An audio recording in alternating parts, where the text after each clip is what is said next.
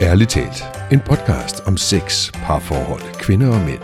Med seksologerne Linda Moos Hansen, Fie Kolding og Michael Frey. Hej og velkommen til podcasten Ærligt talt. Jeg hedder Michael Frey, og jeg er seksolog, og jeg sidder her sammen med Linda Moos Hansen og Fie Kolding. Hej med jer to. Hej Michael. Hej med jer. Det her, det er episode nummer 1 i sæson 3 af podcasten Ærligt talt. Så faktisk, hvis du scroller i din egen liste, så hedder den 101. Så bliver det 101 ja. i alt. Ja. Det er et godt sted at starte med sæson nummer 3, synes jeg. Ja, det er ja. det. For ikke så længe siden, der havde vi jo vores episode nummer, vi kalder det 100, som var episode 30 i sæson 2 i alt 100 afsnit, hvor vi spillede Jeg har aldrig, og mm. Der kom ærligheder og sandheder fra bordene. Ærligt talt blev i hvert Ærligt fald talt. talt ærligt. ærligt talt, så blev vi jo en lille smule snallere, og ærligt talt kom vi til at være lidt ærlige, og det var super fedt. Jeg synes, det var skide hyggeligt. Det var dejligt. Så jeg har genhørt den. Den er meget god, hvis ikke lige at folk har været høre den. Jeg synes, det var meget fint.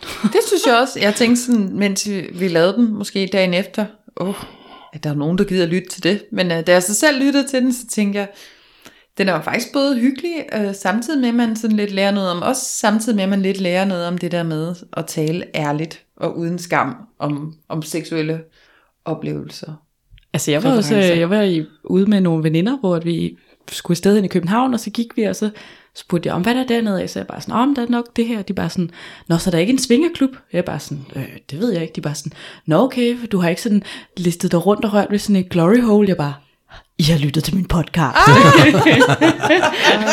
jeg var sådan, okay, Ja. I har i hvert fald hørt det der afsnit. Ja, Så det ja. var meget hyggeligt lige at høre, at, at folk lytter med, og folk, altså både, hvad skal man sige, folk man altså ikke kender, men også at folk man kender egentlig lytter med, synes jeg også er mega hyggeligt. Det er sgu da sjovt. er ja, sjovt. og der er der nogen, der har skrevet også til os, at, at det var meget underholdende og sjovt og, og fedt at få et indblik i os. På den måde, Ja, hvor vi var en lille smule anderledes, end vi plejer. ja. Øhm, og så tænker jeg, det, men det er jo noget af det, også seksologer kan. Altså det er jo at tale åbent og ærligt omkring seksualitet og sex og oplevelser og sådan noget. Altså, fordi hvis vi ikke skulle kunne, hvem skulle så kunne kunne? Ja. Giver det mening? Mm-hmm. Her i sæson 3, der gør vi det en lille smule anderledes, end vi plejer. Fordi vi har alle tre fået enormt travlt med vores virke som terapeuter. Mm-hmm. Og øh, det betyder, at vi øh, ikke har så meget tid, som vi plejer. Så vi fra nu af ændrer det til, at vi udkommer hver 14. dag. Stadigvæk om tirsdagen, men det bliver hver 14. dag Ja. i stedet for en gang om ugen. Og det er simpelthen en konsekvens af, at vi har fået travlt, vi har fået uh, absurd mange ting, vi skal forholde os til at tage os af og gøre, og så videre. Ja. Og derfor så tænker jeg jo også, at, øh, at det er jo en god, øh, hvad kan man sige, indledning til dagens emne. Sådan netop, hvad kan vi kalde det, hvad laver en seksolog? Hvem går til seksolog? Hvad er det for nogle ting, de kommer med? Men også fordi, netop for at understrege vores travlhed og sådan nogle ting, kan man sige, vi, vi laver jo mange forskellige ting, ja. alle sammen. Og det, tænker, det kunne vi da godt lige tage en episode om.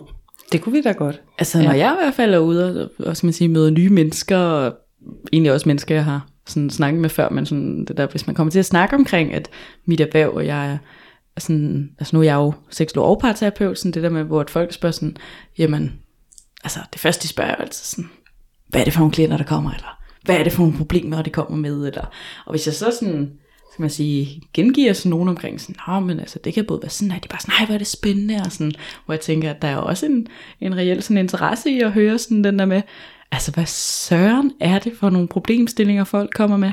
Og jeg skal være ærlig at sige, da jeg tog uddannelsen som seksolog, havde jeg da ingen begreb omkring, at det var alle den her slags problemstillinger, jeg ville komme til at møde. Så, så der kan også være noget i forhold til sådan, hvad skal man sige, altså selv, hvad skal man sige, om jeg havde interesse for faget, men da jeg startede på uddannelsen, havde jeg ingen anelse om, at det var de her retninger. Altså, sådan, jeg var slet ikke kreativ nok til at tænke det. Mm. Så det var noget det, vi sådan vil prøve at snakke omkring, jamen sådan, ja. altså hvad er det nogle, hvad skal man sige, skal det understrege, det er jo fordi vi kommer til at nævne nogle navne eller noget, men der Ja, vi har jo tavshedspligt. har jo tavshedspligt selvfølgelig. sige. Men, men det der med at, sådan at, at fortælle omkring eksempler på, hvad, hvad kan det være? Altså sådan helt reelle eksempler på klienter, vi har haft, og hvad er det, deres udfordringer er? Øhm, Ja, præcis. Og, og jeg er også selv blevet overrasket, fordi jeg kan huske også, da jeg startede, jeg, tror, jeg, jeg kan bare huske, at jeg sådan var lidt halvlederlig af tanken, og tænkte, åh, det bliver fedt, man. Uh, det skal der ske noget spændende. Øhm, og så var det bare noget helt andet. men, men endnu federe i virkeligheden, ikke? Fordi det der med mennesker og, og sådan nogle ting, og de udfordringer, de nogle gange går med, øh, altså det synes jeg er enormt spændende. Og jeg som seksolog, sådan delvis parterapeut, jeg er snart færdig som parterapeut med den overbygning, men, men bare som seksolog har jeg jo også mange par, og det de kommer med er jo, altså det er meget forskelligt, og jeg synes det er sindssygt spændende at, for at finde ud af, men, gud, jamen, hvad er det for noget, der rører sig i dem, i dem hver? Øh, men jeg har også mange mænd alene. De fleste af mine, øh, kan man sige, individuelle klienter, det er jo mænd. Jeg har nogle kvinder, øh, og det er dem, der sådan har bevidst har valgt at sige, "Men jeg vil gerne tale med en mand om nogle ting. Fint nok, men ellers så har jeg mange mænd, og det er for eksempel omkring pornoafhængighed. Øhm, dem har jeg en hel del af. Ja. Og det var sådan en ting, det, gud, det har jeg aldrig tænkt på, inden jeg startede på seksologstudiet, at jeg skulle tale med mænd om, om pornoafhængighed. Og jeg må også indrømme, i starten var jeg heller ikke sådan helt klar over, hvordan taler jeg med folk om det. Men har fundet, hvad jeg selv synes er en rigtig god vej til at komme ind i, til kernen omkring det, og, og, og så få lagt en plan, hvis man kan sige sådan, med mine klienter fremadrettet. Så det synes jeg er super spændende. Så det møder jeg i hvert fald mange af. Og fordi du er både seksolog og parterapeut, og Lene, du er også naturterapeut. Ja. Ja. Og det kan vi jo også sagtens kaste ind i mixet, hvis vi føler mm. for det, ikke? Så, Ja. Men fælles er vel, at vi taler med individuelle eller med par. Ja, Ja. Det må være sådan vores overordnede fællesnævner. ja. Så det er jo i hvert fald, hvad skal man sige, det der, som du sådan lavede op til lige før, at vi laver mange ting, fordi at, altså, ved siden af holder jeg jo også øh, orgasmekurser og BH-opknapningskurser, og altså, lær at håndtere en peniskursus, altså sådan, du ved, så der er jo også mange andre ting, sådan, hvor skal man sige, som er mere sådan for grupper og for sådan polterappen, så den slags Underholdning. Sådan, underholdningselementer ja. i det. Øh, men sådan selve terapierne er det, jeg tænker i hvert fald, bare lige sådan for at understrege, at, mm. at det sådan er selve terapierne. Det er det, vi fokuserer ned i. Hvem, hvem er det, der terapeutisk opsøger en seksolog, og hvad er det for problemstillinger, at vi oftest møder? Ja, og, og ja. jeg vil jo kaste ind i det, fordi når vi siger, at vi er travlt, jamen så er det jo ikke kun med terapi, det er jo også med de ting, vi går og laver uden omkring. Fordi det er jo ikke nogen hemmelighed, at jeg har også skrevet en bog, og jeg har i gang med nogle foredrag omkring det, og jeg underviser på seksologuddannelsen inde hos øh, Jørgen Ørting, og er med, bestyrelsesmedlem i Dansk Seksologforening, og det, det, det er jo ikke fordi, jeg har mange ting at tage mig til, er at komme ind i den her verden. Nej, nej, lige sige, så der sker jo mange ting. med mange ting, altså, som altid siger, tager noget tid. Men også som udfordrer for en på personligt, tænker jeg. Fordi jeg har jo en lang fortid i, i erhvervsverdenen og i IT-verdenen. Det skal jo ikke være nogen hemmelighed. Og jeg synes, det er enormt spændende at prøve at finde ud af, hvordan kan jeg koble de to ting sammen. IT-folk har jo også de samme problemer derhjemme, som alle andre har, men også sådan, gud, det der med ude på arbejdet, det synes jeg er meget spændende, når man, nu jeg så- før snakker om kærlighedssprog. Hvis man er chef, så har ens medarbejdere har jo også kærlighedssprog. Og det er ikke at sige, at alle chefer skal gå rundt og finde ud af, hvad deres medarbejderes kærlighedssprog er. Men det synes jeg også bare er super spændende. Mm. Altså der er virkelig, virkelig mange ting, man kan tage sig til. Ja. Man kan interessere sig for, når man først kommer i gang. For vi har jo alle sammen en fortid for nogle andre verdener og nogle andre brancher. Og jeg tænker, det er jo super spændende, når man kan kombinere det. Men mm. hvad, hvilken fordom møder I oftest omkring seksologer? Altså i forhold til sådan terapierne, eller? Ja, eller mere Eller sådan, hvad, hvad seksologer er, eller gør, eller hvad de laver, eller... Altså jeg møder meget den der, at jeg er sådan ekspert til sex. Og det kan både være sådan en positiv og negativ opfattelse. Altså sådan en, øh, jeg vil bare gerne knæppe dig, fordi at Du, er du ved bare alting, du er bare mega god. Og så kan det være sådan en, øh, åh oh, nej, jeg tør ikke gå i seng med dig, fordi at, så kan du se, hvor dårlig jeg er. Mm. så lidt afhængig af, hvor meget selvtillid den her kære mand, han har. Så, øh, så er det ofte sådan, hvad skal man sige, yderpunkterne, jeg sådan møder i hvert fald. Mm. At, at jeg jo er sexekspert. Ja. Øhm, så sådan selve udførelsen er meget det, folk lægger vægt på, at, at det kan jeg finde ud af. Ja. Jeg modsiger dem heller ikke aldrig. Nej, nej. Hvorfor skulle man begynde at tale sig selv ned der? ja, men det skal man da ikke. Ja, hvad for en øh, fordom møder du oftest? Jeg tror ikke rigtigt, og det er meget sjovt. Øh, I mit liv, så kan jeg jo godt gå og tale mig selv meget ned, og tænke, at folk tænker alt muligt om mig, men jeg møder faktisk en meget sjælden fordom, hverken i, når, jeg, når jeg snakker om, at jeg er naturterapeut, og jeg tager folk med ud i naturen, og vi sådan ligesom bruger sådan symbolverden til at undersøge folks problematikker, eller det her med, at jeg er seksolog, og vi taler om, om det her med at komme ind og finde sig selv, og stå stærkt i sig selv, og, og kunne udleve sin frie seksualitet. Øh, jeg møder faktisk ikke fordomme. Øh. Men det ved jeg ikke om også, at fordi jeg mest øh, kommer i kredse, hvor folk er meget åbne. Altså jeg har jo altid arbejdet med mennesker, øh, og, og primært handicappede mennesker har jeg arbejdet med, og i den verden, så er man bare rimelig åben, fordi at, øh, at det er rimelig... Øh, altså det ved jeg ikke, altså det fag vil jo tiltrække folk, der er åbne, plus handicappede mennesker er vant til alle mulige mennesker, der vader ind og ud af deres liv, så de bliver også rimelig åbne. Så sådan at mine kollegaer, dem jeg arbejder med, super åbne mennesker. Øhm, egne venner, folk jeg relaterer til, super åbne. Så jeg synes faktisk ikke, jeg møder sådan den der, jeg kan godt, jeg kan godt relatere mig til det, du siger, Fie, med, at så skal man være sexekspert eller helt vildt god til et eller andet, men, men det synes jeg faktisk ikke, at det, som folk øh, kigger på mig og siger, skulle være kinky, eller skulle være, nej. Nej. Men jeg altså, tror også, øh, eller hvis jeg lige må knytte, altså jeg tror også, at folk sådan lidt, øh, har jeg, og jeg har snakket med folk omkring det, hvor at, at det her med, at de sådan, der ligger, og det er en, hvad kan man sige, en fordom, men det er måske også lidt en forventning til, at, hvad skal man sige, at jeg ved alt om sex. Altså sådan, der er også lidt en forventning til, at jeg har prøvet at være i en svingerklub, og jeg har prøvet at være til en BDSM-klub, og jeg har prøvet, altså sådan det der med, at, at jeg også har prøvet ting, jeg har også prøvet at have sex med legetøj, jeg har også prøvet, og altså sådan, at der er lidt sådan en forventning til, at, hvad skal man sige, at hvis de kommer til mig, at jeg så også ved, hvad jeg snakker om. Du altså er lidt til det hele. Altså ikke nødvendigvis, at jeg er til det hele, men at jeg i hvert fald har prøvet det hele. Prøvet det hele. Jeg sådan har afdækket markedet. Jeg har været ude at se, hvordan ser det ud i en BDSM-klub. Og, altså alle sådan nogle ting. Øhm. Men det er vel heller ikke helt forkert, er det det? Nej, det, det har jeg da i hvert fald gjort. Men derfor tror jeg ikke, at, øh, at det er alle seksologer. Jeg kender der mange seksologer, der aldrig har gjort det. Nej, ja. Ja, hvis man har hørt episode nummer 100, så ved man i hvert fald, der ved man at et nogen og har andet været fra. nogle steder, ja. prøvet nogle ting. Ja, og sådan er det jo. Og jeg- Og jeg har selv fået spørgsmålet, er du så bedre til sex end andre? Og jeg vil sige, det tror jeg egentlig ikke. Mm-hmm. Men der, hvor der alligevel kunne være en forskel, det er måske, hvis man kunne se, at som seksolog, så har man sådan, måske arbejdet lidt med sit eget selvbillede, og sit eget selvværd, og sit eget selvhalløj, og hvad ved jeg, ikke? Og det gør måske, at man slapper okay af i, i situationen, og, og det i sig selv kan måske medføre øh, en bedre oplevelse seksuelt eller noget, men jeg tror ikke som sådan, at seksologer er bedre til sex, hvis man kan sige det sådan. Eller fordi jeg engang har været på en restaurant, hvor jeg fik en snegl, det betyder det jo ikke, at, at jeg hverken er god til at lave snegle, eller du ved, noget som helst andet, vel? Altså, Men hvis altså, du så vælger at gå det, men jeg ved øh, så, hvordan de smager, trods alt. Ja, men det kan være, at du så vælger at gå på øh, konkurreringskursus på den restaurant med sneglen, fordi du synes, at snegle var så spændende. Så jeg tænker også, at det her fag med, altså seksologfaget, tiltrækker jo også folk, der synes, at seksualitet er spændende. Ja, Så, Det så vi jeg er jo nysgerrige mennesker, og det er jo også det, altså at, at jeg i hvert fald oplever i mig selv, at det er det, der, der, der gør, at, at klienter kommer til mig, det er den her sådan nysgerrighed og sådan åbenhed og interesse i det, Mhm. mm-hmm. som personen kommer med. men når du siger kommer med, hvad mm. præcis, det er tænker jeg er noget det, vi skal snakke om. Mm. Mm. Hvad er det så, nu siger jeg de i godsøjne, hvad er det så, de kommer med, de Klienterne. her mennesker, der opsøger en seksolog, eller en parterapeut for den sags skyld, eller en naturterapeut for den sags skyld. Ja. Men hvad er det, de kommer med? Altså jeg vil jo sige, at, øh, at det, altså der er jo enorm forskel på det.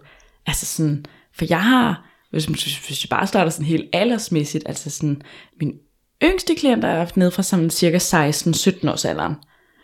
Og dem er der ikke så mange af. Så har jeg ret mange sådan øh, kvinder øh, i sådan start 20'erne. Så har jeg ret mange sådan mænd i sådan start 30'erne. Så har jeg enormt mange par fra altså jeg tror de yngste par er sådan noget 22, 3 år, 20 år agtige, og så helt op til nogen af 70. Altså, så hvad man sige, spændet går fra 16 år til 74, er sådan det spænd, mine klienter i hvert fald kommer i. Er der en overvægt nogle steder? Og der er lidt en overvægt, for der er sådan, hvad skal man sige, jeg har, jeg har mange sådan unge kvinder øh, i sådan start 20'erne, og så har jeg, øh, hvis, man siger, hvis vi tager de individuelle, så har jeg mange mænd i sådan start 30'erne, og så par, hvad skal man sige, de kan være alt fra 20'erne, 30'erne, 40'erne, 50'erne. Altså, der, der er sådan mere adspredelse i den, hvor de individuelle er meget unge kvinder, altså 20-årige kvinder, og så er det 30-årige mænd. Så det er i hvert fald, hvad skal man sige, bare lige for at kortlægge det der med sådan aldersmæssigt for eksempel, altså der er virkelig sådan en stor adspredelse i. Mm. Og det er ikke fordi, at der heller er sådan en, øh, hvad skal man sige, jeg synes heller ikke engang, man kan sådan kategorisere det, og så sige, at øh, nu for eksempel, hvis vi tager udgangspunkt i alle sådan de unge piger, kvinder, jeg har, altså der er virkelig også forskel på, hvad de kommer med. Altså sådan, jeg har, havde for eksempel på et tidspunkt en, en ung pige, der 20'erne, som bare gerne ville sådan lære at have bedre sex, og lære sin egen seksualitet at kende, og vil gerne lære sådan, jamen, hvor sidder mit G-punkt henne, og hvordan får man en klitorisorgasme, og hvad skal der faktisk til, og altså var bare sådan nysgerrig på, hvad skal man sige, det var jo ikke fordi, at hun var, altså, hun var egentlig sådan lidt halvsinkel, lidt i et parforhold, sådan lidt, men det der med, hun synes bare, det var spændende, og vil bare gerne, hvad skal man sige, have det, det sjovere sexliv, og altså sådan, vil bare ikke, hvad skal man sige, nøjes, var bare sådan, der må der være mere i den her verden, altså. Ja. Så det er sådan en inspirationsklient, mm. nærmest, ikke? Hvor man, det er ikke så, så dybt psykologisk arbejde, man vil lave med sådan en. Det er mere inspiration.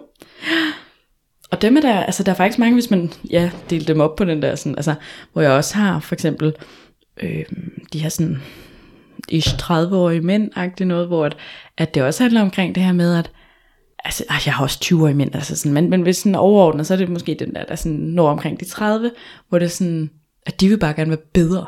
Altså det der med sådan, mm. vil gerne være bedre til at tilfredsstille en kvinde, vil gerne altså lære at give bedre oral sex, lære at give bedre finger, lære at have bedre sex, lære hvad har kvindekroppen brug for, altså hvad kan han gøre for at skal man sige, gøre det bedre for hende, er der nogen sådan overordnet måde at have sex på, altså sådan den der, hvad skal man sige, så jeg har siddet en hel session og snakker omkring, jamen, hvordan slikker man fisse, altså du ved, sådan helt ned i, altså gå tungen nedfra op, eller op fra ned, eller prikker den ind, og hvor langt ned mellem kønslæberne skal den gå, skal den ind i fissen, eller skal den op på Venusbjerget, eller altså skal den køre cirkler, eller altså sådan helt øh, den der sådan, hvor jeg sådan, jeg kan så godt forstå, at mændene synes, at det er svært, altså sådan at, at navigere i, og specielt hvis ikke man sådan har været, hvor man har været med en partner, man, hvor man har kunne snakke om den slags. Mm. Så der er sådan, hvad skal man sige, jeg har ret mange af dem, som gerne vil Altså enten bare nysgerrig, eller gerne vil gøre det bedre.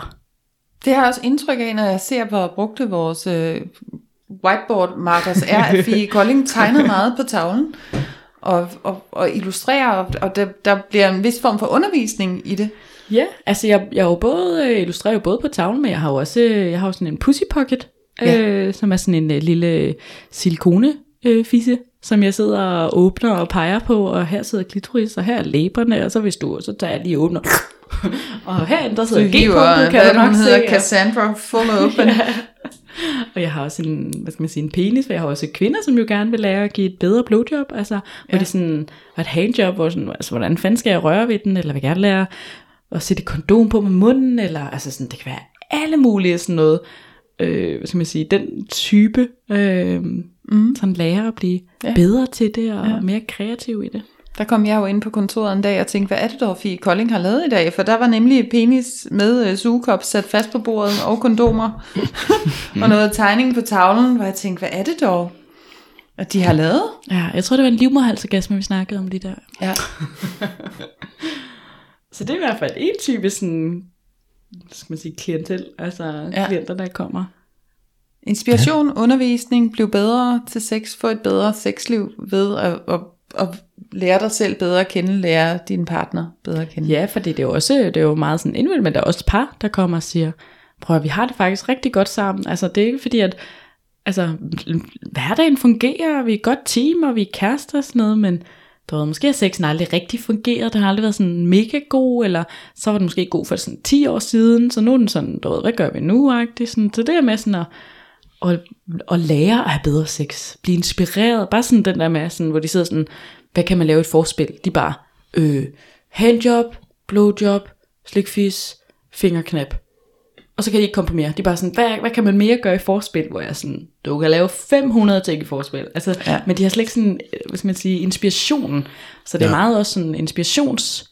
Øh, og så kan der være noget sådan rent fagligt i, altså man skal sige, hvordan får du den her type orgasme, og hvor sidder den hen, og hvordan opnår du den, og feminin og maskulin seksualitet, og altså øh, sensitivitetsdiagrammer, og sådan, altså der er sådan en masse, skal man sige, kød på. Øhm, og så er der meget, der handler omkring sådan inspiration.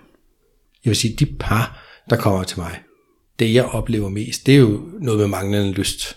Mm. Eller, eller en forskellig lyst, kan man sige. Hvor den ene har en, en lyst, der er større end den anden, og hvad gør vi ved det? Og jeg synes, det, og det er mega vigtigt, det du siger, Michael, med at det hedder forskellig lyst, oftere end det hedder manglende lyst faktisk. Mm. Altså det der med at lære at differentiere på, at det er to forskellige ting. At, hvad skal man sige, at, at nogle gange, ofte, så er det faktisk bare fordi, at, skal man sige, så vil jeg gerne bare have, øh, have sex en gang om ugen, og min partner vil gerne have det fem gange om ugen, eller så kan det være, at jeg gerne vil have det en gang om ugen, og han vil gerne have det en gang om måneden. Altså det, der sådan, det er ikke fordi, at jeg har behov for mere eller mindre, det er bare det der, jeg er, hvad skal man sige, min mætning er. Øh, så det der med, at, at det ikke altid handler omkring at fikse den, der så vil have mindst lyst, mm. eller sådan mindst sex, mm. at det er sådan en, du ved, hvordan, hvordan finder vi ud af at gøre det her sammen, og hvordan kan vi eventuelt så, skal man sige, arbejde ind mod at finde noget der, hvor vi begge to bliver ikke nødvendigvis sådan seksuelt øh, penetrationsstimuleret men at, altså, du ved, hvad, hvad kan vi så gøre for at, at mødes i det, øh, så vi begge to er tilfredse med vores parforhold og det mængde sex, vi har. Enig. Ja. Og nogle gange handler det jo også om, at der bare ikke er tid. Altså, der er børn, og der er dit, og der er du, der har arbejde, der er alt muligt andet, ikke? hvor jeg kan da se, at, at der er flere klientpar, som, som har haft stor succes af at, ligesom at aftale tid til seksualitet, eller til intimitet, eller hvad vi nu kalder det. Ikke? Altså, og så gør man det der, og så forbereder man sig, ligesom man gør til hvilken som helst anden aftale, man måtte have, altså, hvor man nu skal noget. Og det tænker jeg, det, det synes jeg faktisk godt kan en hel masse. Og, men det er der mange, der jeg føler, jeg der møder en modstand på det der med planlagt sex. Det skal være spontant, det skal være, hvad ved jeg. Ja, og det, og det, har, vi, det har vi en tidligere podcast mm. om, ikke fra sæson 1 af. Det har vi. Hvor vi har, jeg tror det er Stine, Stine Søndergaard inden ja, fortæller om, hun har lavet sådan en lystdiagram, ja. ikke? Kvindens lyst. Ja. Hvor netop, hvor jeg faktisk også får sådan en realisation, det er sådan, at, at der jo er, altså den spontane sexlyst, som er den du har, når du er forelsket, og du bare vil have din partner, bare fordi det skal du bare have. Fordi du ligesom er sovset ind i, jeg vil bare formere mig med den her partner, og det går ligesom over efter et stykke tid. Mm. Og så mhm. skal du over i eventuelt, at du skal vække din sexlyst, den skal aktiveres. Ja. Så det synes jeg også, at man, altså med mange klienter, at man ligesom skal oplyse om, at, at den der sådan idealisering af det her med, at det bare skal være spontant, og det bare skal være on the spot, og vi skal bare ville hinanden sådan helt dyrisk og liderligt, ligesom vi ville lige da vi mødte hinanden, at den skal man også sådan lidt tale ind i, og, og sådan måske også springe i luften, det der sådan, øh, mm. hvad hedder det, Fata Morgana billede af, at det sådan sex er.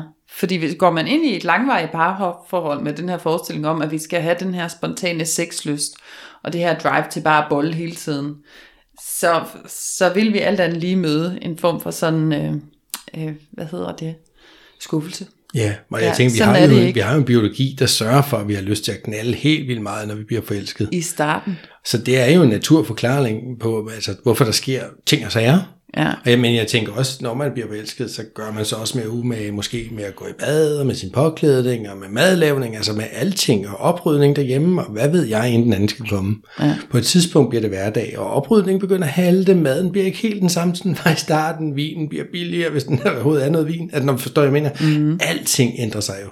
Det er ikke kun tekstlivet. Mm. Så hvis man der, og det er jo det, jeg prøver at tale med mine klienter om, har du, har du lyst til at have lyst? Så svaret der i øvrigt er ja så er det fordi, så, så er det nok bare noget andet. Altså, så er det måske et eller andet, vi skal ud og kigge på og sige, jamen, ja. får du så den sex, du har lyst til? Og det er jo, det er jo så en, i øvrigt et andet emne, så føler jeg, jeg taler med klienter om, det er jo det der med, øh, hvad har du lyst til? Fordi der er mange, der ikke engang kender deres egen lyst. De ja. kender måske ikke engang sig selv. Altså, mm-hmm. du ved ordentligt, hvem er du? Jamen, nej. Ja. Nå, men, så, så det er jo nogle andre ting, og det synes jeg også er vigtigt at få med, at vi taler jo i virkeligheden med klienter om så mange andre ting end sex. Altså det har også meget med selvværd og selvtillid og, og selvbillede og alle mulige ting og sager, leveregler, og vi skal tale om skyggesider, vi taler om tilknytningsmønstre, vi taler jo om voldsomt mange forskellige ting.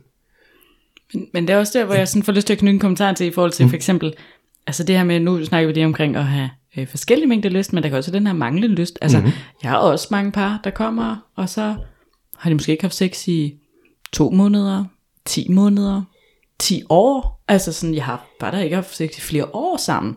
Så det der, hvad skal man sige, at, at det der, hvor den jo altså decideret er manglende. Altså sådan, du ved, og at sådan, det er ikke nødvendigvis, at nogen af dem boller ved siden af, eller i hvert fald ikke, hvad de fortæller ind hos mig, men at, at det ikke er fordi, at man sådan er sammen med alle mulige andre, det er ikke fordi, man onanerer hver dag, eller altså, men der er sådan, det der, og så er det jo lige præcis, at vi, det er jo ikke fordi, at, at hvad skal man sige, at, at til den slags terapier, hvor de ikke har haft sex i flere år måske til og med, altså at vi snakker sådan mega meget omkring måden at have sex på og sådan noget, så snakker vi omkring, hvad er det, der har forårsaget det? Altså, hvad er det, der har gjort, at, at vi er endt der? Altså, og så er det jo oftest alle mulige andre ting rundt mm. omkring. Ja, det, altså jeg tænker, nu ved jeg ikke lige præcis med dit klientel, men, men det her med, at så får man også børn, og så indgår man nærmest i den her sådan uh, fabrik, hvor man har sådan forskellige arbejdsopgaver for at få den her familievirksomhed til ligesom at køre. Og i den suppedags er vi jo så også, øh, fordi vi er blevet så ligestillede, som vi nu alligevel er i familielivet, så, så, så går vi hen og, og bliver sådan depolariseret også i hele vores samliv, og, og så mister man jo tiltrækningen til hinanden. En ting er, at man er super udkørt af at køre det der familievirksomhedsfirma med børn og børnehave og skoler og madpakker og karriere, og det hele skal passes. Mm. Og så det her med, at, at vi simpelthen, øh, at det, vi bliver ligesom to, sådan to slappe batterier, mm.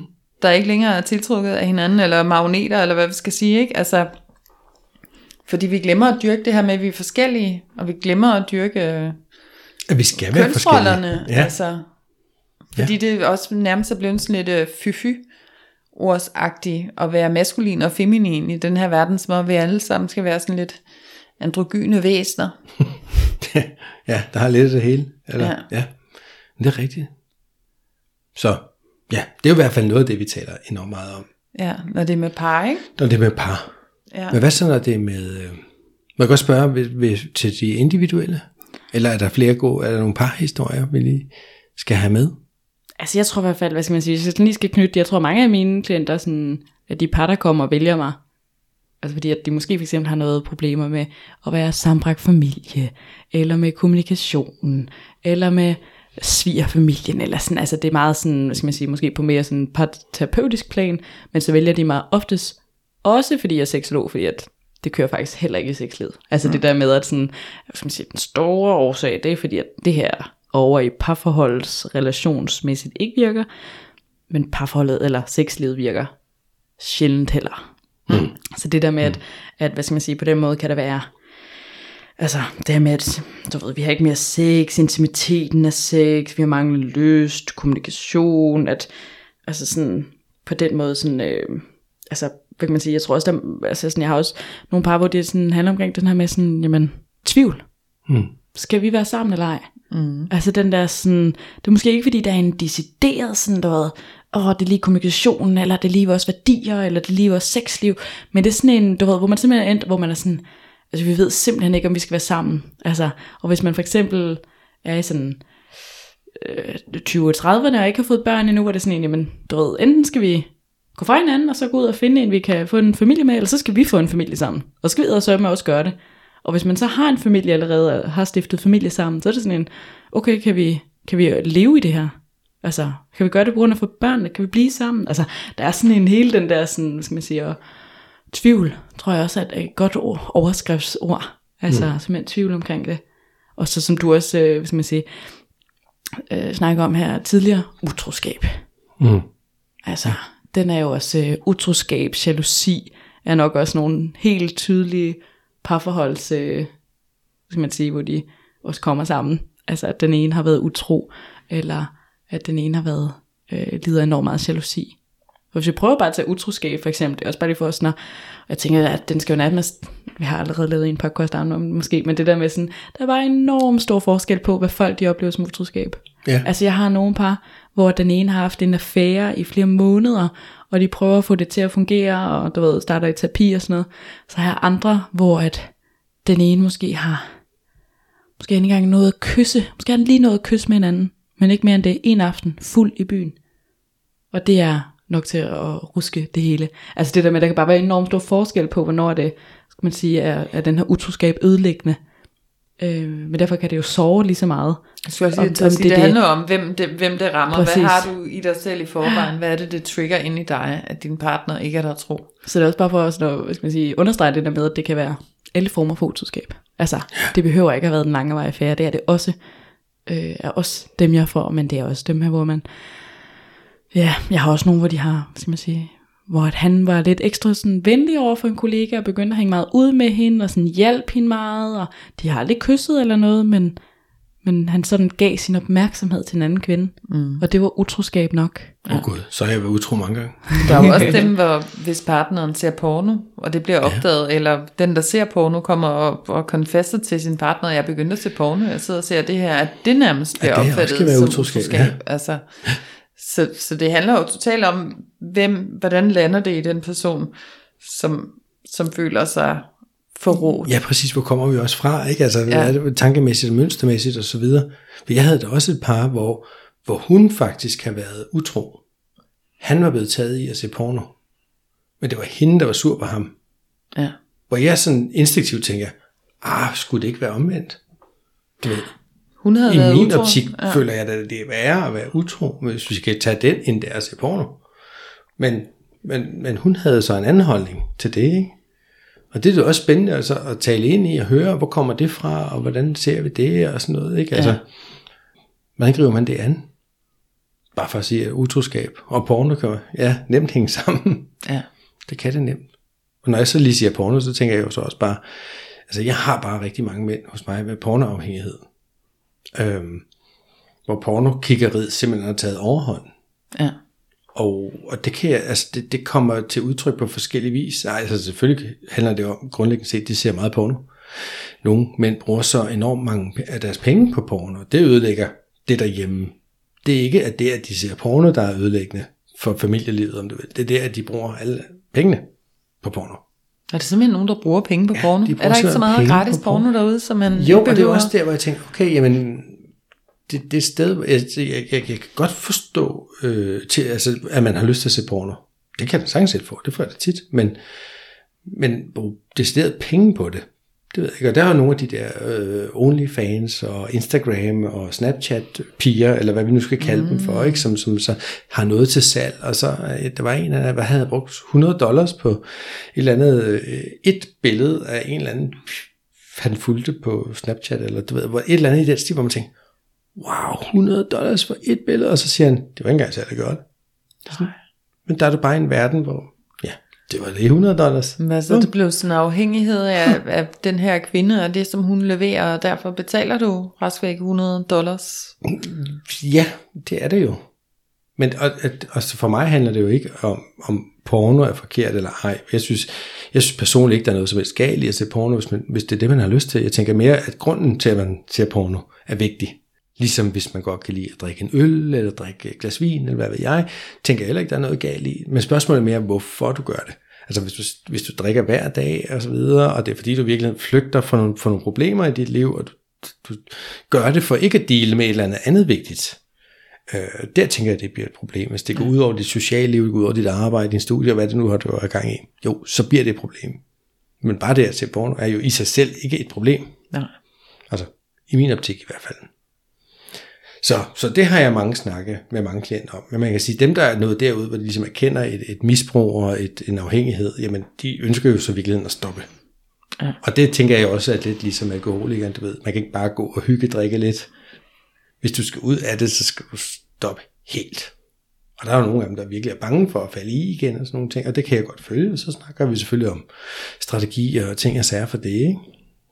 Så det, det synes jeg jo er enormt spændende, men Men jeg tænker da også, at der er, hvad skal man sige, for at køre videre på sådan, øh, men der er jo for eksempel sådan noget med fetish, det kunne også være noget, man taler om. Ja. Altså sådan, øh, og jeg vil jo også sige, at jeg har da også haft altså flere forskellige klienter, der har jo sådan forskellige fetisher. Altså det der med, at det kan være sådan, alt fra at man sådan, altså for eksempel tænder på fødder, og man du ved, synes, at det er frækt, eller at man sådan godt kan lide at have blæ på, og, og synes, at det er frækt, eller at man, skal man sige, altså jeg har til og med faktisk også haft nogen, hvor de sådan, hvad skal man sige, tendenserer til, til at det er ulovligt, hvor de sådan filmer folk i smug.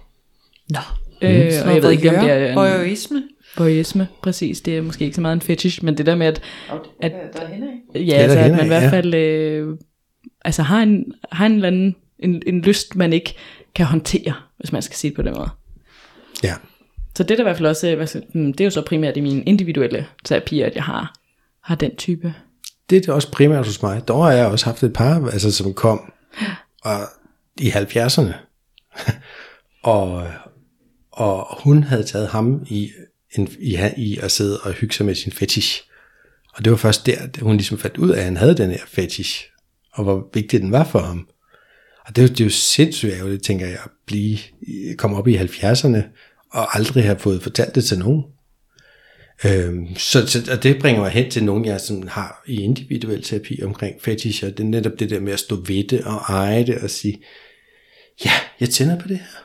Jeg har også haft nogen, hvor det, man kan sige, det de tændte på ikke egentlig som sådan var lovligt, øhm, og det forholder jeg mig ikke til, om det er lovligt eller ej i virkeligheden. Jeg synes mere, at det er min opgave at tale med dem om, jamen, hvordan kommer det så til udtryk hos dig, og hvordan, altså, hvad, hvorfor, og prøve at finde frem til sådan en eller anden dybere mening med det hele, om, om I vil.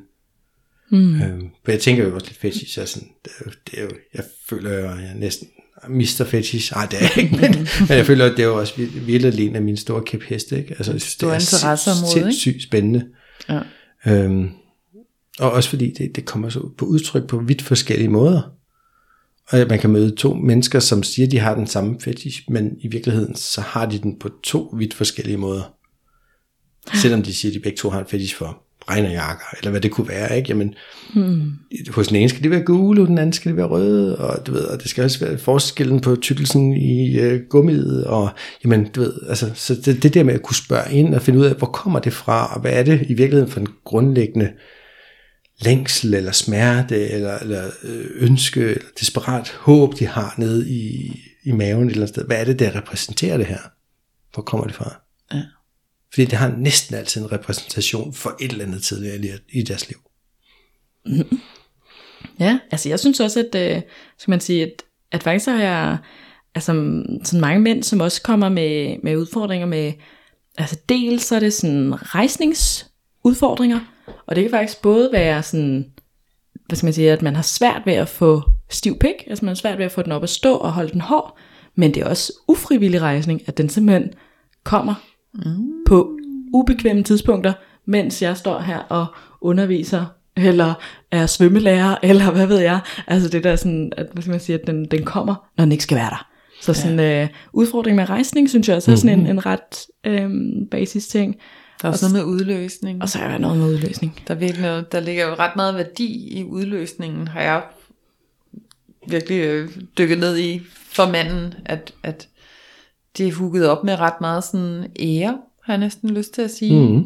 Den her udløsning be- beviser over for den kvinde, jeg er sammen med, at jeg virkelig vil hende. Og hvis udløsningen så på den ene eller den anden måde svigter, at man enten ikke kan få udløsning, eller får for tidlig udløsning, eller ens rejsning falder, at det har jeg i hvert fald snakket med op til flere klienter om, at, at så, så tror man, at der sker noget over i ens partner, eller ens partner skal tro, at nu, nu er jeg ikke tiltrukket nok af hende, og det er det, min krop viser. Så, så den her sådan projicering over i den anden af, hvad de skal tænke om, at jeg ikke fungerer seksuelt, kan sådan forstærke den her sådan, øh, dysfunktion, har jeg lyst til at kalde det, at man har seksuelt, når for eksempel ens penis ikke virker på den ene eller den anden måde. Ikke? Mm. Ja, det synes jeg faktisk er ret spændende at snakke ind i, hvorfor, og altså, hvad er det, du føler, at det repræsenterer over i din partner, at du har et problem? Altså jeg synes, at der er jo sådan en, øhm, hvad skal man sige, det tendenserer jo også lidt hen, der er jo sådan et, sådan et øh, helt, hvad skal man sige, et overordnet tema, der for eksempel hedder skam.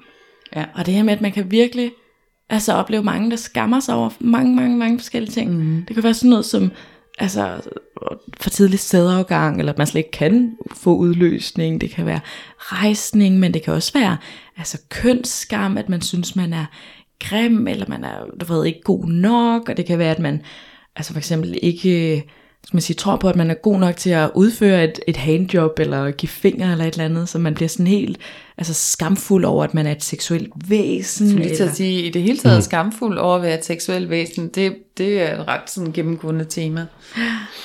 Og så, så det der med, hvad skal man sige, den, den, hvad skal man sige, det der med, at det var sådan, ja, pinligt og sådan noget, altså det der, sådan, den der sådan skamfuldhed over alt inden for sex, er altså mm. også et, et stort tema.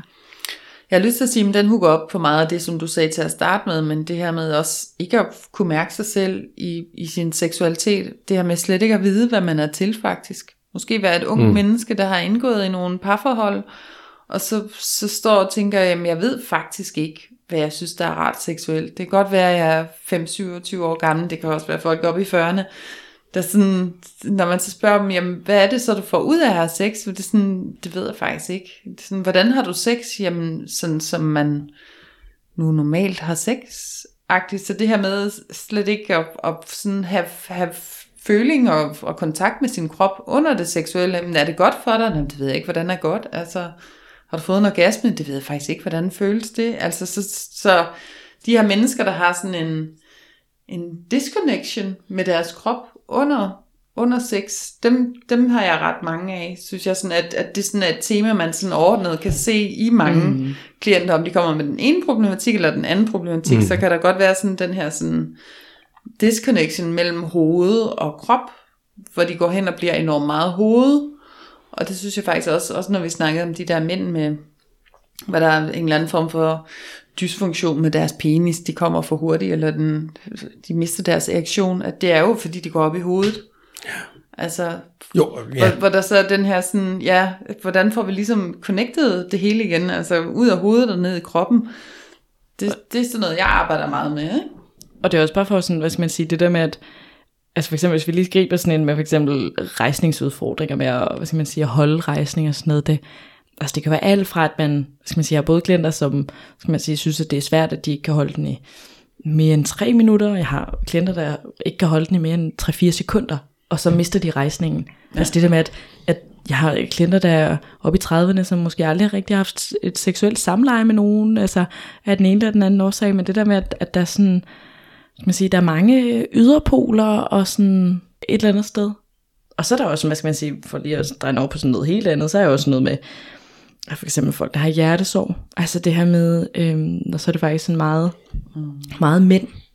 Det her med, at, at der er måske tendenserer til, at kvinder er en lille smule bedre til at sådan snakke med hinanden, hvor at, hvis man kommer som mand, og man har hjertesorg, og så drengene er bare sådan, ah, bare kom på Tinder og ud og knald nogle nye, og du ved, bare kom over hende, og sådan, at de har simpelthen ikke nogen snak med. Og de har ikke nogen til at snakke det igennem med. De har simpelthen ikke nogen til at snakke det igennem med, og en, der kan spørge ind til, kan få lov til at få dem til at reflektere, og få lov til at, at sætte ord på hele processen, og, og, ja. og dels også give nogle værktøjer til at komme videre, og til at fokusere på og sådan noget. Sådan, altså, så det der med hjertesorg er også en del, og jeg har også nogle, skal man sige, mennesker, som, som, gerne, som er single og gerne vil have en kæreste, mm. gerne vil have en partner, gerne vil have familie, gerne vil have børn. Ja, det skulle jeg lige til at sige. Det vil sige den som sådan, den modsatte side til sorgen der. Det er præcis. den, der gerne vil ud. Ja. Altså, og det er jo både altså sådan noget med at vil have, altså for eksempel kvinder, der står sådan, skal jeg blive alene mor, skal jeg, skal jeg håbe på at få en, en mand, og, altså den der sådan, hvad er der galt med mig, er der ikke nogen, der kan elske mig, er jeg sådan helt uelskelig, eller altså sådan den der, ja. der, der kan der også være, hvad skal man sige, den lidt sådan den sådan følelsesmæssige ensomhedsside. Ja. Og så har jeg lyst til at sige, at lige præcis med de der sager, der er vi jo ikke dem, der kan komme med en eller anden form for sådan en løsning, eller nu er der lige det her værktøj, og så skal det nok blive godt igen, men altså vi ligesom agerer som den der mur, man kan spille op af. Og, ja. og, og vi stiller os til rådighed som værende interesserede, empatiske, lyttende og nysgerrige, så vi kan stille de der spørgsmål, så folk netop får mulighed for at reflektere over deres egen situation. Fordi altså, med de sådan helt store livsspørgsmål, så skal man jo helst finde svaret inde i sig selv. Det nytter nej, jo ikke noget. Jeg har det svaret. Ja, vi Kolding skriver det lige op på tavlen i en af vores mange farver. Ja. Tusser der.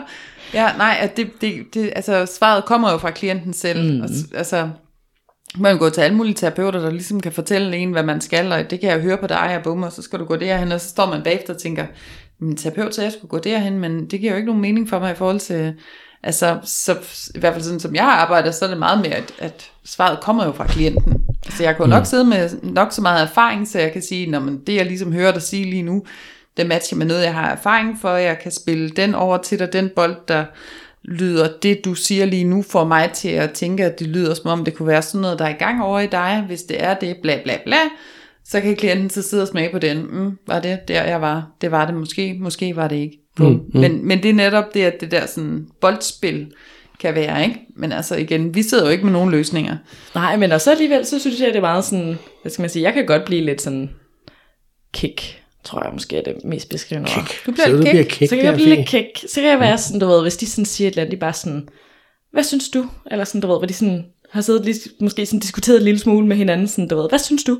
Hvor jeg er sådan lidt, altså jeg ved godt, hvad jeg synes, men det får jeg ikke at vide endnu. Mm. altså den er sådan, du ved, jeg tror også, der er mange klienter, der godt kan lide sådan, et eller andet sted følelsen af sådan, fordi at selvfølgelig har jeg da en, en overbevisning, at jeg kan sådan, hvad skal man sige, jeg fjerner fuldstændig mit, mit personlige jeg, og så, hvad skal man sige, terapeutrollen, og der kan jeg sagtens se, hvad er det for nogle mønstre, der går igen, altså det der med, at, skal man sige, at ofte så har jeg et eller andet form for svar ret tidligt i processen, men det giver dig absolut ingenting, hvis jeg bare giver dig svaret. Mm-hmm. Altså det der med sådan, hvis jeg bare giver dig svaret i den her ligning, jamen så lærer du aldrig at udregne den. Så når du kommer ud næste gang, og der er en ligning, så kan du ikke finde ud af det. Nej. Så er det bare back to scratch. Altså det der med, ja, at, at det kan godt ske, at jeg som terapeut forhåbningsvis de fleste gange godt kan se, altså hvad er det for en vej, vi skal på. man Altså, men, men at det ikke nytter noget, at jeg giver dig svaret.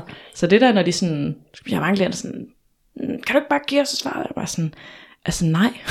og der er også mange, sådan, om jeg ikke, øh, om jeg ikke bare har en pille, og så er det hele bare, Så er det helt så er de fikset. bare afklaret. Mm. Altså den der, Det vil den fandme Den være dyr. magiske terapeutpille. Ja. Ja. ja, den har vi alle sammen, men vi bruger den aldrig. Det gør vi ikke. Så kommer de jo ikke igen, vel? men, men, men der vil jeg så sige, jeg har jo også både mænd og kvinder, som, som egentlig gerne vil ud og finde kærligheden og sådan noget. Mm. Det kan være for- på grund af, at de har haft et skidt brud, eller de aldrig har haft nogen, eller jeg har haft nogen, der er blevet overgrebet og voldtaget. Og du ved, nu er de der, hvor de egentlig gerne vil videre, men de har bare ikke lige troen på, at der er nogen, der gider have dem, eller hvad det nu er, øh, vi skal dele med. Så jeg, jeg føler lidt nogle gange, så sådan, det er sådan en lidt coachende rolle også, altså ligesom hvor vi siger, okay, jamen, hvad gør vi så? Hvad kigger? Jeg har da siddet med nogen og kigget på forskellige øh, datingsider, og jeg har været med til at evaluere, du ved, sådan give dem feedback på deres profil, tekster og billeder og ting. Altså, nå, mere for at sige, nå, men sådan, sådan kan man jo også godt hjælpe nogen, hvis man, ja. hvis man synes, det er sjovt. Fælles for dem alle sammen er jo stadigvæk også det der med at finde ud af, jamen, hvem er du egentlig? Altså, så, så de selv ved, hvem de selv er, når de går ud og leder efter kærligheden. Og igen tænker jeg endda, noget af svaret ligger i at holde op med at lede. Men bruge tiden på at arbejde på at være dig selv, og på du ved, at være et fedt menneske, og være et godt menneske, i stedet for drop tanken om at være blive perfekt, men prøv at blive så helt du nu kan blive, og få lappet de huller, du måtte have i din, hvis vi skal sige personlighed. Fordi så, så tænker jeg, at man vil tiltrække helt automatisk mennesker, der er det samme sted som dig selv. Men hvis du render rundt der og er desperat, så tænker jeg ikke, det er sådan et godt ud- udgangspunkt. Så vi prøver altid lige at fjerne den desperate del ved lidt selvudvikling, og så ligesom at sige, hvad kan vi så gøre fremadrettet? Ja, det synes jeg er super spændende. Så jeg tænker også bare sådan her til sidst, så vil jeg også bare sige, altså sådan, det her, det er jo nogen af dem, altså det der med, jeg har også par, som vil åbne deres parforhold op, og vil gerne have, at det sker på en sikker måde, eller mm-hmm. jeg har par, som har, eller hvad skal man sige, folk, der var udsat for altså overgreb, øh, incest og så videre, som gerne vil have hjælp til at komme videre i den proces. Jeg har, hvad skal man sige, folk, der har, hvad hedder sådan noget, altså har, har problemer med deres mor, og, du ved, har, altså sådan mere sådan relationelt, og det hedder jo par- og relationsterapeut, altså det der med, at det er sådan det relationelle, de sidder fast i, og jeg har par, som ikke kan finde ud af at håndtere deres børn sammen, det der med sådan børneopdragelse, og mm. altså sådan, det er bare for at sige det der med, at, at du ved, lære at få bedre, altså lære at overhovedet få en orgasme, og altså der kan virkelig være mange, mange årsager til, at folk de opsøger en seksolog. Ja, ja. Og noget af det, der lige kommer til mig, der, når du siger alt det der, så tænker jeg også bare hurtigt, gud, jeg har da også med, med, med nogen med, kan man sige, anden etnisk herkomst, eller en anden kulturel baggrund, som, fordi i virkeligheden, de står for måske at skal giftes, men de tænder faktisk på mænd, og du ved, hvad gør vi ved det, og mm. du ved, altså, der, der, dukker Ja, svindel, og så er den ene, ting og sager op, ikke? ene part måske brugte en, en hel formue på, på luder i, i smug, og så har man brugt hele deres formue op, eller jeg har også ja. altså nogen, der, hvad skal man sige, som er mere i sådan den muslimske verden, hvor at de venter med at have sex til de, øh, hvad skal man sige, de bliver gift, og så fungerer sexlivet ikke, og nu er de gift, og nu, nu skal det fungere, og, Ja, så hænger og så tænder de slet ikke på det, og, mm. eller der er også folk, der er blevet utiltrækket af hinanden. Altså man er simpelthen taget på, og man, du ved, man sådan, altså vi har børn sammen, vi fungerer sammen, men altså jeg tænder simpelthen ikke fysisk på dig længere. Altså der kan bare være så mange ting, som mm. folk kommer med til øh, os som terapeuter. Ja. Så jeg håber, at, at det i hvert fald har givet lidt sådan en den der, skal man sige, at man måske kan relatere til sig selv i nogen, eller nogle af sine veninder, eller det der med, skal man sige, at også lige slå et slag for, at altså jeg arbejder tit ud fra sådan, altså man behøver ikke først at gå i terapi, når der er ildebrand. Altså det der med, at vi behøver ikke kun at gå fra minus til neutral. Det fandme, de fedeste terapier er virkelig også dem, hvor vi går fra neutral til plus. Ja. Altså det der med, at, at det er lort, lort, lort, og nu kommer vi op, og nu er det fint nok, og så stopper vi i terapi. Jeg bare, ja, men prøv at tænke, hvis I kommer, når det er neutral, og så går op og får det fucking fedt. Altså det der sådan, at, at det ikke altid skal være ildebrandslukning, mm. når man vælger at gå i terapi. At terapi kan være ligesom at gå ned og, hvad skal man sige, få klippet spidserne. Det er ikke fordi, jeg skal have en helt ny frisyr eller et eller andet øh, crazy. Jeg skal bare lige, sundt hår. Bare lige have en brush up. ja, der. og lige noget. en hårkur i, og så... Øh, Ja, ja. Måske lige, måske lige en skyllefarve, ja. så det lige ser rigtig lækker frisk ud. Men om ikke andet, så håber jeg i hvert fald, det har givet jer, der lytter med, en, en, en, en ny indsigt måske i, hvad det er sådan nogen, som, som også går og laver som mm. terapeuter på seksologi og på parområdet, relationsområdet, naturterapi osv.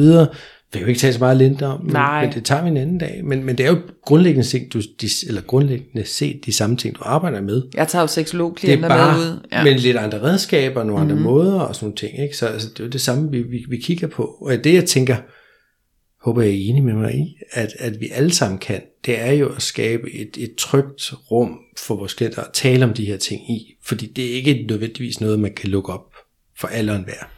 Det vil jeg jo ønske, det primært var. det er det, det er, ikke? Men jeg har siddet og været i den stol, hvor jeg har hørt nogle ting fra forskellige mennesker, som de siger, ingen andre mennesker nogensinde har fået at vide før. Mm. Og det siger bare lidt om, det er svært, mm. og det er det, jeg tænker, vi som terapeuter kan være med til på det her område. At skabe den der det trygge rum, og, Det det, og det, rum, det ja. kræver også, at der er en vis sådan, tillid til, mm. til mig som terapeut, og at, at man tror på, at jeg vil dem det bedste, og jeg kan hjælpe dem, og, altså, og det synes jeg også er fair, at man, skal man sige, det er også, for jeg holder, det gør vi faktisk alle sammen, så holder sådan nogle forsamtaler øh, gratis, så man lige kan få lov til at høre min stemme, og lige sådan mærke efter, kan hun det, hun udgiver sig for, eller, mm. Ja, altså den der sådan lige mærke kemien an. Ja. Og det vi tilbyder, det er jo gratis forsamtaler for eksempel, så man har jo altid mulighed for at booke en, en gratis forsamtale og sige, hey, jeg, skal, jeg vil da gerne lige vende det her og høre, om er det Fie eller Linda eller Michael en, jeg kan tale videre med om det, for at få den fornemmelse, uden at det skal koste en krone. Så kan man, det kan man jo altid prøve af. Det er der også andre terapeuter, der gør, men vi gør det i hvert fald. Mm. Så find vores, øh, der er link til os Det er der. i beskrivelsen for den her podcast. Og ellers vil jeg bare sige, det, øh, jeg synes det var en ret solid måde at starte øh, sæson 3 på her. Det var sæson 3, der startede. Det er det, vi gør. Så det er nogle af alle de her emner, vi har snakket om, det er det, I kan høre mere om. Ja. Og faktisk også ret meget mere. Vi har en ret spændende kalender booket op til jer med spændende gæster. Nu vil jeg ikke afsløre Spændende noget, gæster men i støbeskeen. øh, Ja. ja, det kan I glæde jer til. Spændende emner. Og nu har I to uger til at sådan catch up. Så det, øh, jeg tænker, at nu, nu er I klar. Ja. ja. Klar hver anden tirsdag. Åh, oh, vi lytter.